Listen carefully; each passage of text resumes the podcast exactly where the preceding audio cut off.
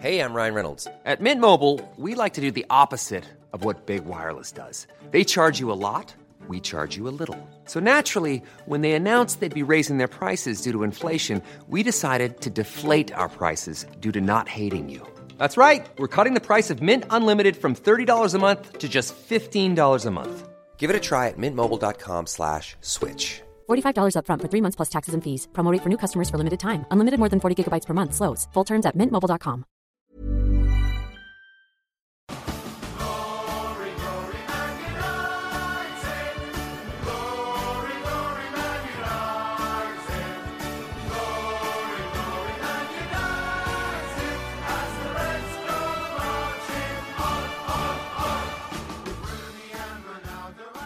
Halo pendengar ganteng-ganteng Manchester United Podcast. Balik lagi bersama kita bertiga di GGMI Podcast. Dan balik lagi seperti episode sebelumnya Ini episode akan jauh lebih depressing dibandingkan sebelumnya. Meskipun tetap dibawakan dengan dengan cara yang fun Tapi semua dari kita pasti merasa terpukul Atas kekalahan yang menurut gue cukup Apa ya cukup frustasi sih. Gue ngerasa kayak Gue membayangkan gue jadi pemain MU itu Apalagi jadi Bruno mungkin Ah tai lah udahlah. Kayak udah lu mau ngapain lagi udah gak gol-gol gitu loh. Dan gue ngerasa bagaimana pun akhirnya ya itu total loss lah buat kita. Dan semua mungkin punya fungsi paling masing-masing gitu kan. Termasuk balik lagi tagar oleh out akhirnya menrajai bahkan dua hari setelah pertandingan. Bahkan tadi pagi tuh gue masih ngecek oleh out tuh meskipun Arsenal menang lawan Tottenham tapi yang tetap ranking itu adalah oleh out gitu kan. Dan pada diskusi kali ini gue pengen bahas lebih kepada kayak why-nya gitu kan. Karena ada menurut gue beberapa mistakes yang seolah tuh terrepetisi aja gitu. Dan gue nggak tahu apakah ini pure memang lebih kepada tactical jeniusnya oleh yang belum terbukti valid atau emang dia belum belum bisa belajar dari apa yang kemudian uh, banyak pandit-pandit luar sana tuh udah udah sering banget mengomentari ini gitu kan. Gue mulai dari uh, akhirnya kita kejebolan lagi lewat set piece gitu kan dan di menit akhir di menit 88. Lu ngelihat kemarin dari kemasukan gol kita di menit akhir lewat set piece, apa yang lu bisa tangkap dari dari momen itu, Vin? Itu udah kayak jatuh tertimpa tangga sih menurut gua gitu. Jadi dari banyak sekali peluang yang kita miss ya dari menit awal tendangan Bruno Fernandes kaki kiri ke atas kemudian juga Greenwood yang sangat-sangat maruk ya dari babak pertama bahkan Ronaldo nggak dioper Bruno juga nggak dioper gitu. Gue juga bingung ya dia lagi kenapa? Dan dia sangat pantas buat di drop di next match ya demi keberlangsungan form dia juga gitu. Dan menurut gue pada akhirnya pamungkasnya adalah ya MU kebobolan lewat skema yang sebenarnya musim ini sudah bisa dicegah dan itu terulang lagi. Dan sebenarnya gue juga nggak mau nyalain Cavani 100% ya karena dia juga sudah berusaha gitu. Dia nggak kehilangan pemain itu, tapi dia kalah duel gitu loh. Jadi memang gue melihat si siapa Jose ini kuat banget di duel udara dan nggak ada pemain lainnya yang menyangka bahwa dia bakal menyambut bola itu dari belakang dan nyundul ke belakang gitu. Dan menurut gue, gue nggak mau terlalu menyoroti kayak ada yang bilang itu De Gea dihalangi lah oleh Watkins dan juga mungkin offside dan segala macam. Tapi the problem is MU nggak bisa mencetak gol itu gitu. Dan dari 22 shots itu yang on target cuma 4 dan XG itu 2, dan 2, itu satunya itu adalah penalti gitu. Jadi sisanya ya MU nggak bisa mengkreat banyak sekali peluang gitu. Dan ditambah juga Martinez yang bermain dengan sangat baik dan juga pengaruhnya ya. Apa sih main gamesnya kepada Bruno Fernandes? Itu menurut gua Bruno Fernandes cukup kena mental sih di situ. Hmm, iya dan emang kemarin tuh jujur seolah tragedi West Ham tuh terjadi lagi. Bedanya ya kita akhirnya jadi penendang tapi resultnya sama-sama nggak masuk gitu kan. Dan apa yang akhirnya kemarin gue baca tuh si Martinez sempat buat quote juga kan tentang persamaan dia dengan Ronaldo ya sama-sama menunggu bola di kotak penalti menurut gua itu jadi salah satu bentuk bagaimana kemudian ya kadang ketika lu udah di tengah lapangan gitu kan terlepas lu seberapa bagus lu gitu kan tapi ketika lu menangkan Cywar ya ujungnya ya itu akan kemudian mempengaruhi mental seorang gitu kan. Dan gue mah makanya gue balik kepada Saung gitu kan. Di pertandingan kemarin kita melakukan nggak jauh beda secara taktik dan juga formasi 4-2-3-1 dengan McFred di tengah dan Pogba taruh di kiri gitu kan. Gue jujur bukan tipe penonton yang suka melihat Pogba main di sayap kiri ya tuh biasa gitu kan. Terlepas dia mungkin punya dapat roles yang bebas, tapi Pogba di sayap kiri itu beda sama Pogba di Juventus yang 4-3-3 sebagai LCM gitu kan. Nah, lu kemarin ngelihat Pogba yang kemudian main di kiri gitu kan dengan McFred di tengah dan banyak orang kemudian mengkritisi uh, lini ini apa yang lu kemarin bisa lihat sebagai perbandingan untuk next match kita ketemu Villarreal di, di di home lagi, Ung? Gimana ya bro? Gue kalau misalkan weekend kemarin besoknya gue nggak nonton Sangchi kayaknya stres sih bro.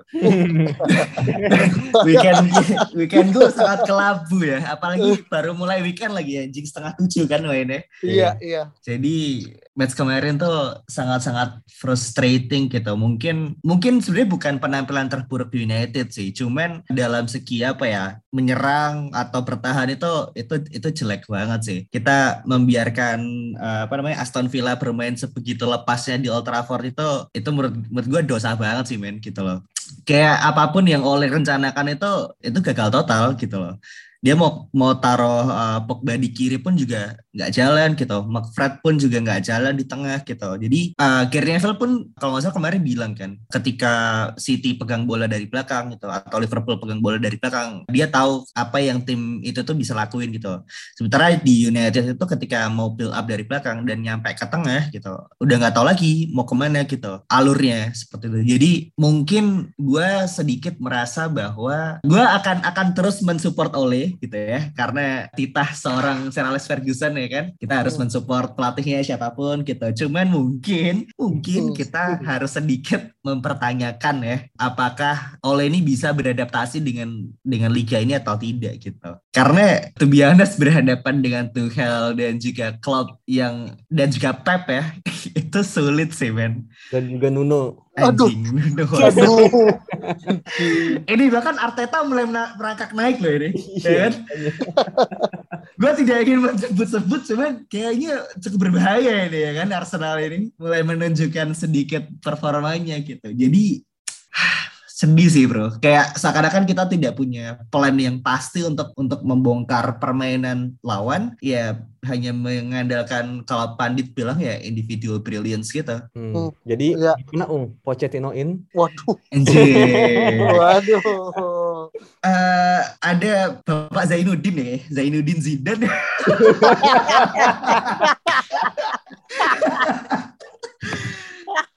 tapi tapi kan ini ya bro, Oleh itu kan kayak saham ya.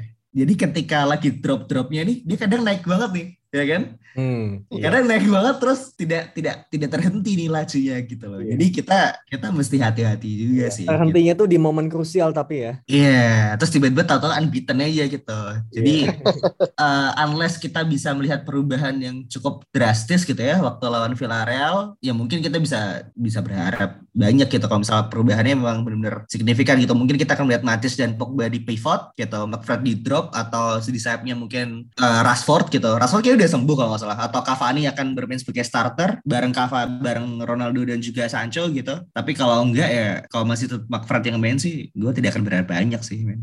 Iya, iya. Dan juga sebenarnya tuh kemarin salah satu hal yang gue sayangkan selain dari kita kalah adalah kita kehilangan dua pemain yang harus diganti kan. Xiao di babak pertama dan juga Maguire yeah. yang mm -hmm. harus di keluar gitu kan. Yeah, dan menurut gue itu big close banget sel sel selain emang gue terkait dengan Dalo menurut gue oke okay. tapi kalau Lindelof ya be Lindelof aja gitu kayak uh, dan nggak bisa kita ekspektasikan apa pun gitu kan. Apalagi Selasa kita akan ketemu Villarreal di home. Menurut gue kalau misalkan ini kepleset lagi gitu kan ini agak cukup berat buat MU gitu kan. Apalagi kita udah main di kandang gitu. Nah menurut lu kehilangan sosok Shaw dan juga Maguire dalam pertandingan penting kemarin gitu Vin apa yang kemudian lu bisa tangkap dan akhirnya untuk next match apa yang kemudian kita perlu persiapan lagi? Dan kita tahu kita punya ada dendam histori yang perlu kita balas gitu kan. Dan apa yang lu kemudian bisa lihat secara formasi untuk next matchnya Vin kalau di match kemarin sih ya jelas ya itu sangat mempengaruhi keseluruhan tim gitu. Terlepas dari permainan Dalo yang mungkin kita cukup setuju bahwa dia bermain cukup bagus ya di kiri, dia bisa kadang masuk ke tengah kayak gitu dan umpannya cukup bagus gitu. Gue ada satu momen di mana dia kayak ada lopas gitu ke Bruno gitu. Jadi yeah, yeah. kayaknya kalau itu Wan bisa kan nggak akan bisa tuh kayak gitu gitu. gitu. Jadi mm. gue menginginkan dia lebih aktif bermain seperti itu ketika dia ber, dia bermain di kanan kayak gitu. Um, dan juga kemarin mungkin dari sisi pertahanan sebenarnya kalau personel gue nggak terlalu khawatir ya. Cuma pada akhirnya balik lagi pertahanan yang kita maksud di sini adalah sebagai satu unit kayak gitu. Dan satu unit ini tertutupi oleh briliansnya mungkin Maguire atau Varane yang bisa ngeblok dan bisa membaca alur bola mau ke mana kayak gitu. Dan ketika kemarin ada situasi corner kick gitu ya suwe aja gitu menurut gue. Dan ya kita kehilangan seorang pemain yang bisa untuk melakukan passing dari belakang, commanding seperti Maguire. Dan untungnya kita punya Varane sekarang gitu bayangkan kalau kita nggak punya Varan, kita akan kembali stick dengan Lindelof dan Bayi gitu. Dan kalau udah kayak gitu, kayaknya ya udah gue sih kayaknya nggak akan nonton matchnya gitu lawan Villarreal gitu.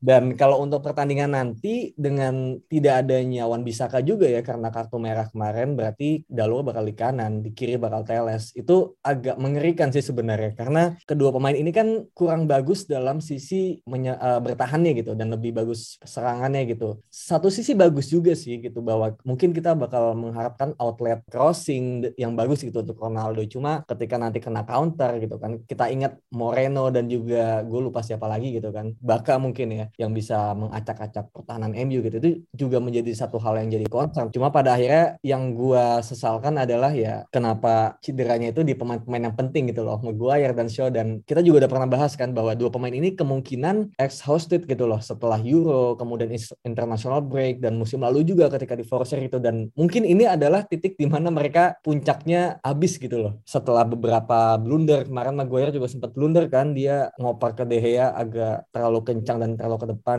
Jadi menurut gue satu sisi gue melihat ini bagus juga untuk mereka quote unquote istirahat ya. Mungkin satu sampai dua match. Semoga nggak panjang sih istirahatnya kayak gitu. Hmm, Iya. iya, iya. Hmm. Ya Kayaknya memang ada gimana? Ini ya, kita harus mengakui kalau beberapa match terakhir dua pemain itu pun juga tidak bermain seperti biasanya gitu. Memang kelihatan banget kalau dua pemain ini sedang capek gitu kan.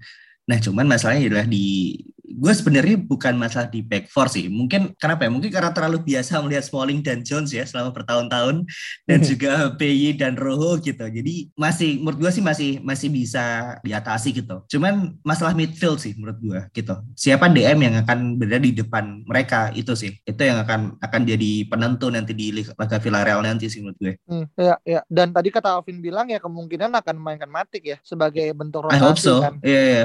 Ya, ya, ya. dan dan juga sebenarnya ini gue baru baca kemarin siapa sih Gary Neville ngebuat sebuah statement di Sky Sport dia bilang bahwasanya if Ronaldo score dia nggak ngerasa kalau kita tuh punya mental juara gitu kan. Dan gue nggak tahu ini dia ini bias karena kemarin kita kalah atau gimana tapi apa pun yang akhirnya terjadi terutama akhirnya ketika pemain inti akhirnya cedera gue ngerasa ini jadi salah satu poin penting. Apalagi kalau kita ngomongin di back kiri gitu kan kita mungkin masih masih punya Alex tapi kita tahu penampilan Alex di pertandingan lawan West Ham bisa dibilang agak cukup buruk dan kita kejebolan mungkin salah satunya karena dia nggak cukup aware kepada defensive areanya gitu kan. Nah mungkin gue sekarang langsung masuk aja gitu kan ke dalam bahasan UEFA Champions, eh sorry Champions gue ngomong UEFA lagi kan.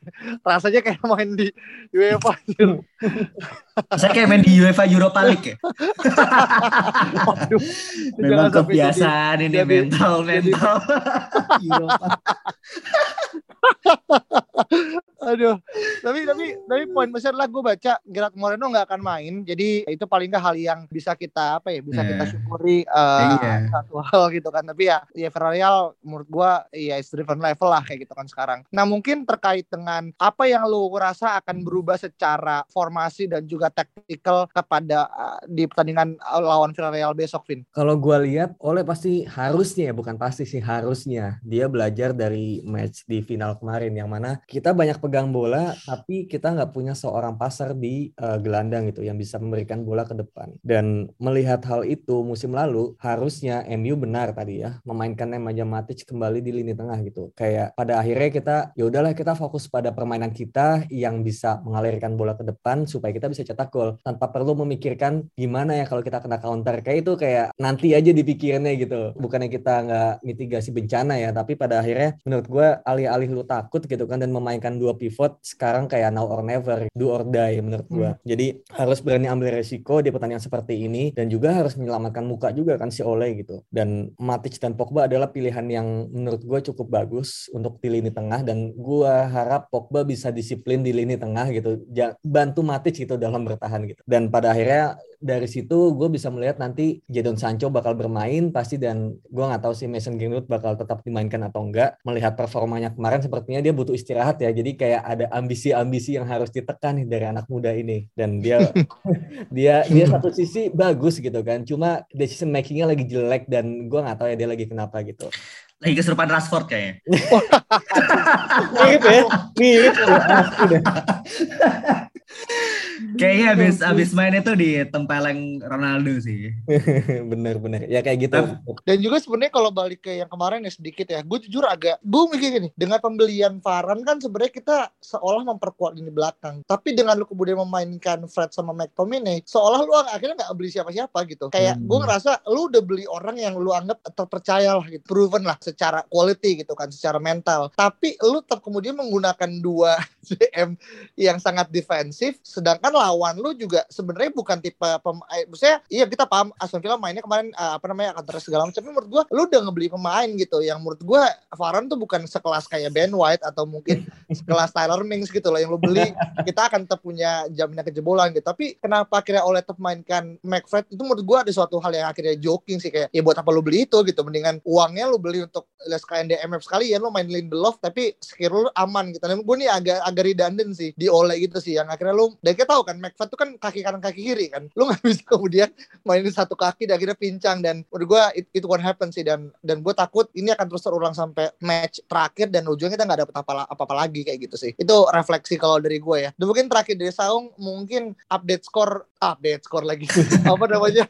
Prediksi skor Jangan dong, bro.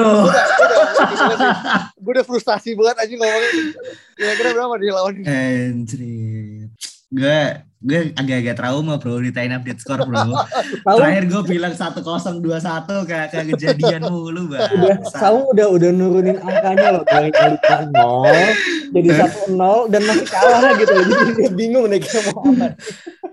gue, gue, gue tidak tahu harus berespektasi apa lagi men gitu loh. Eh, Anjing, jadi berapa ya? Gue gini aja deh, daripada kita bilang berapa skor, eh, apakah kita clean sheet atau enggak kita? Gue rasa enggak sih. Tiga. Ya, kita ganti aja. Gue rasa sih kita nggak clean sheet ya, gitu. Entah kejebolan satu atau dua, kayaknya sih akan kejebolan gitu. Melihat eh, back four kita yang sedang tidak baik-baik saja gitu. DM yang masih nggak ngerti apakah Matic akan main gitu. Dan uh, McFred yang, yang begitu gitu. Gue rasa sih kenapa oleh sering memainkan McFred kan karena tren apa rekornya tuh bagus karena McFred kan gitu loh di musim lalu gitu. Jadi mungkin uh, apa ya dia belum punya plan B di mana uh, ada suatu match yang tanpa McFred itu bagus gitu dan harusnya sih. Tapi ya gimana ya gue kalau bilang oleh harus gamble di match Villarreal ini kayak anjing kalau something bad happen ya ya udah nih kelarnya di musim gitu loh. Hmm. Jadi Final final prediksi lu tuh berarti pupus langsung ya? anjing. aduh Padahal baru 2 3 episode yang lalu ya, Bang. Bahayanya terlalu lama bro. aduh, aduh. ya, ya gitu sih, Bro. Mungkin saudara Alvin bisa menyampaikan berapa skor yang dia minati ya. Kalau gue kayaknya nanti dulu. Enggak dulu deh. Enggak dulu enggak dulu Enggak dulu. Eh apa tadi Eh, prediksi skor ya? Eh, satu sisi gue setuju sih sama Saung yang bilang bahwa kemungkinan besar kita nggak akan clean sheet gitu terkait dengan tren kita selalu kebobolan ya di liga dan baru sekali clean sheet lawan Wolves yang mana di situ sebenarnya Wolves itu pantas mendapatkan dua gol gitu. Jadi bisa dibilang itu keberuntungan kita juga untuk clean sheet gitu bukan karena kita bagus tapi karena mereka suwe bisa dibilang kayak gitu. Jadi melihat tren sepertinya minimal satu gol kebobolan lewat skema bisa bola mati, bisa counter attack gitu kan melihat kita juga bakal agak pincang ya di lini belakang dan juga lini tengah kemungkinan kalau mau ambil resiko kayak gitu. Tapi satu sisi dengan adanya Matic dan Pogba di tengah, gue berharap kemungkinan mencetak gol juga jadi makin tinggi ya kayak gitu. Seharusnya balik lagi ya. Kemarin pun ketika gue bilang prediksi 3-0 atau 4-0, gue kan bikin disclaimer bahwa kalau MU bisa klinis dan Martineznya nggak bermain on fire kayak gitu kan. Dan ternyata sebaliknya yang terjadi, MU nggak klinis, peluang banyak tapi tendangannya ke tengah semua dan Martinez on fire gitu. Jadi pada akhirnya yang gue omongin ini adalah sesuatu yang ideal terjadi kayak gitu. Seharusnya sih MU. Ah, Oke, oke. Mm-mm. Andai kata besok kita dapat penalti, siapa yang akan ambil, Bro? Siapa? Hmm, Menurut gua kayaknya bakal ke Ronaldo sih. Gitu ya. Iya. Kenapa Anda tidak ingin memberikan kesempatan kedua kepada Bapak Bruno Fernandes? Bukan yang nggak kasih kesempatan ya, tapi sepertinya kayak ada luka yang harus ditutupi terlebih dahulu kayak gitu. Trauma yang harus di- diselesaikan dulu gitu dan diambil alih oleh pemain yang lebih senior gitu. Jadi kasarnya diobatin dulu lalu istirahat dulu. Tapi Oke. nanti di match lainnya yang mungkin uh, pressure-nya lebih ringan pertandingan ya? Atau atau tergantung situasi men. Kalau misalnya penaltinya itu bukan penentu kemenangan atau penyelamat pertandingan kemungkinan bakal tetap Bruno yang ambil untuk pelipur lara lah bisa dibilang. Tapi kalau misalnya situasi kayak kemarin yang lu mau nggak mau harus masuk kayaknya yang mentalnya lebih bagus yaitu Ronaldo ya at this state ya. Sepertinya Ronaldo yang bakal ambil. Jadi situasinya kayak gitu. Nice nice nice. Atau kalau gue sih lebih berharap ke Cavani sih ngambil men nantinya. Cavani main berarti. Gue harap sih Cavani main ya, karena dia punya pengalaman sih. Sama seperti yang lo bilang gitu, dia punya experience, dia punya uh, kapabilitas gitu. Mungkin sama sih seperti Ronaldo gitu. Cuman melihat warga netizen gitu ya, melihat perdebatan Bruno Fernandes dan kisah Ronaldo siapa yang akan final, ambil penalti terus tiba-tiba Edison Cavani itu kan pasti akan lucu sekali gitu.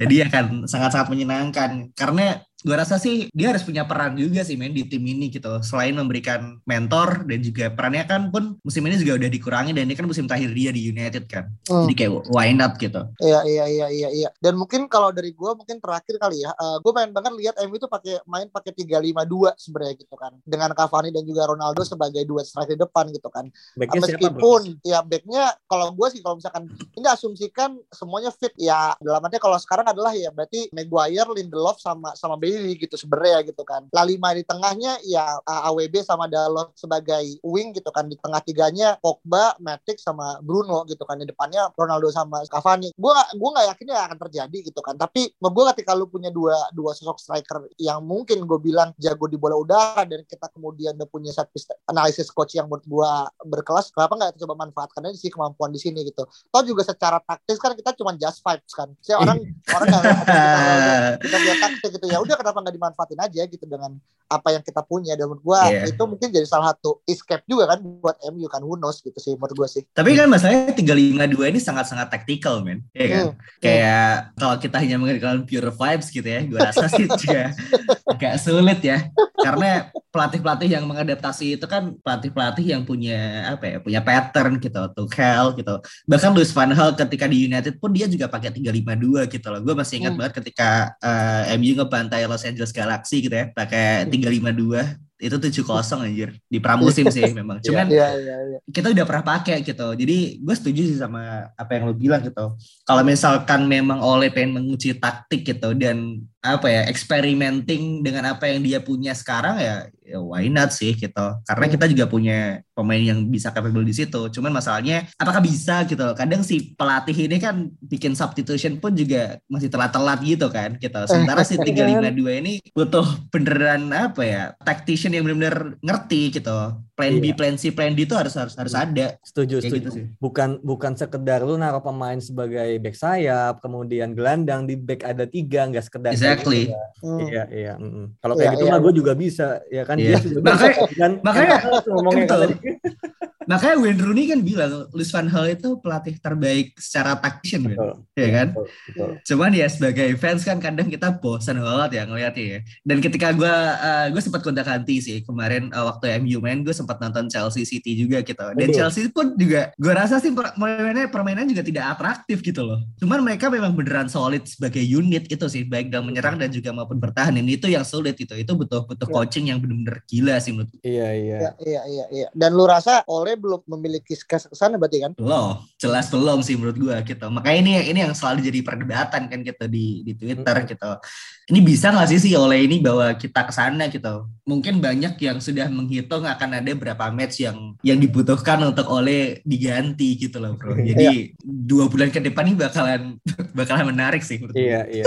Betul betul. Karena kalau kita ingat juga Mourinho itu kan dipecat di bulan Desember ya kalau nggak salah. Jadi kalau misalnya kita menghitung momen tadi uh, Sawung bilang dua bulan itu kayaknya adalah momen yang pas bisa dibilang gitu. Untuk kita melihat progres MU ini bisa bangkit atau enggak gitu. Karena sebenarnya kita kan kan ngelihat MU di awal musim bermain cukup bagus ya, terutama di match Leeds gitu. Kita melihat wah kayaknya MU udah kembali gitu menemukan permainan ya, tapi dari situ udah makin menurun. Kemudian match yang bias lawan West Ham dan akhirnya ya gongnya di tiga kekalahan dalam empat match terakhir di semua kompetisi itu bukanlah sebuah rekor yang diinginkan gitu oleh oleh dan fans kayak gitu. Dan ya gue harap biasanya kalau yang udah-udah tadi udah dimention sama Saung juga, ketika emang udah di momen kritis kayak gini, biasanya Ole ini bisa menaikkan moral nih, ya kan? Musim lalu kita kalah sama Istanbul dan apa gitu gue lupa. Kemudian lawan Everton kita menang, ya kan? Di sini juga nih ada momen-momen di mana sepertinya gue sama gue yakin MU menang gitu. Karena kalau kalah kayaknya titik nadir menurut gue gitu. Apalagi lawan Everton,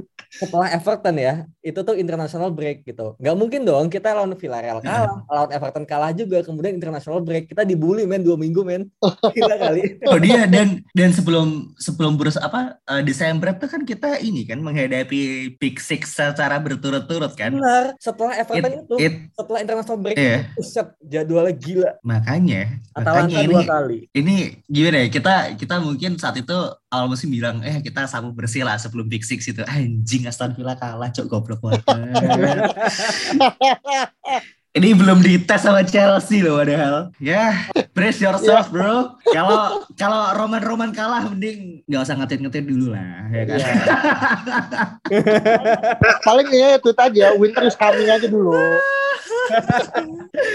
kalau Iya, kalau iya, saran iya. dari gue mending eh, buat fans MU buat Sabtu nanti ya terutama mending siapin plan B untuk rencana jalan-jalan keluar sih karena MU main kan jam 18.30 nih ya Ah, kalau misalnya ternyata MU kalah ya kalian udah punya plan B gitu untuk coping mechanism Iya, Oh. betul plan B-nya ini nonton Free Guy. bisa bisa bisa ya setidaknya kita bukan Spurs lah ya tapi ya membandingkan seorang United dengan Spurs itu pun juga sudah sangat-sangat bersalah sekali sih iya jangan. Oke. Sip, I think itu sih terkait dengan pembahasan review terkait dengan pertandingan MU Aston Villa dan juga preview sedikit preview antara MU dan juga Villarreal. Kita tunggu bagaimana hasil yang akan menentukan di hari Selasa mal, eh, Rabu pagi dan semoga Kamis apa pagi. yang tadi Alvin sampaikan terkait dengan Ole Magical tuh akan akan terjadi karena gue yakin MU pun juga nggak kuat kali ya nunggu dua minggu kemudian harus Iya. Gini aja sih guys, eh, kalian dengerin openingnya dia, kalau dia bersemangat berarti MU menang. Kalau kalau kalau dia loyo ya kalian tahu lah ya. Oke oke. Oke itu aja dari kita. Thank you so much udah dengerin dan jangan lupa follow sosial media kita di @GMU Podcast ada di Twitter dan juga di Spotify dan kalau ada apa-apa langsung tag kita ke sana dan kita juga open buat diskusi di sana. Thank you so much teman-teman dan sampai jumpa di pertemuan berikutnya. Dadah. kalau ada apa-apa mention kita itu agak rancu ya. Gimana nih bang? Kalah nih anjing. Gimana cuy?